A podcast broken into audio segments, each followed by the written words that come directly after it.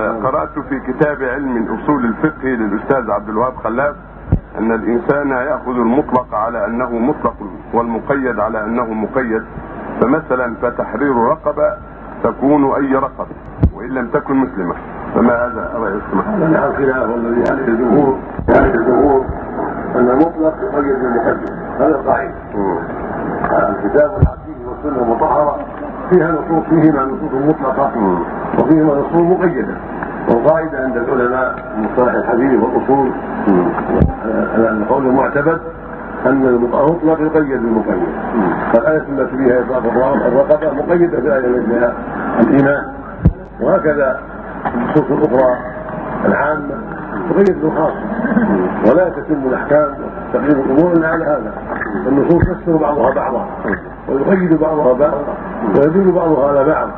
كما أطلق في موضع قد يقيد في موضع آخر. وما عم في موضع قد يخص في موضع آخر. هذا هو الصواب. الحمل المطلق على المقيد والعام على الخاص. كما في قوله جل وعلا يوصيكم الله في أولادكم جاءت النصوص تدل على أن ولد الكافر لا يرد. والقاسم لا يرد. والرقيق لا يرد. هذا من المطلق المقيد أو من العام المخصوص. وهذا كثير مثل ما في قول صلى الله عليه وسلم يقطع صلاه المرأة والحمار والكلب جاء في الآخر والكلب الأسود وقيد الكلب الأسود دون غيره وهكذا نصوص كثيرة. نعم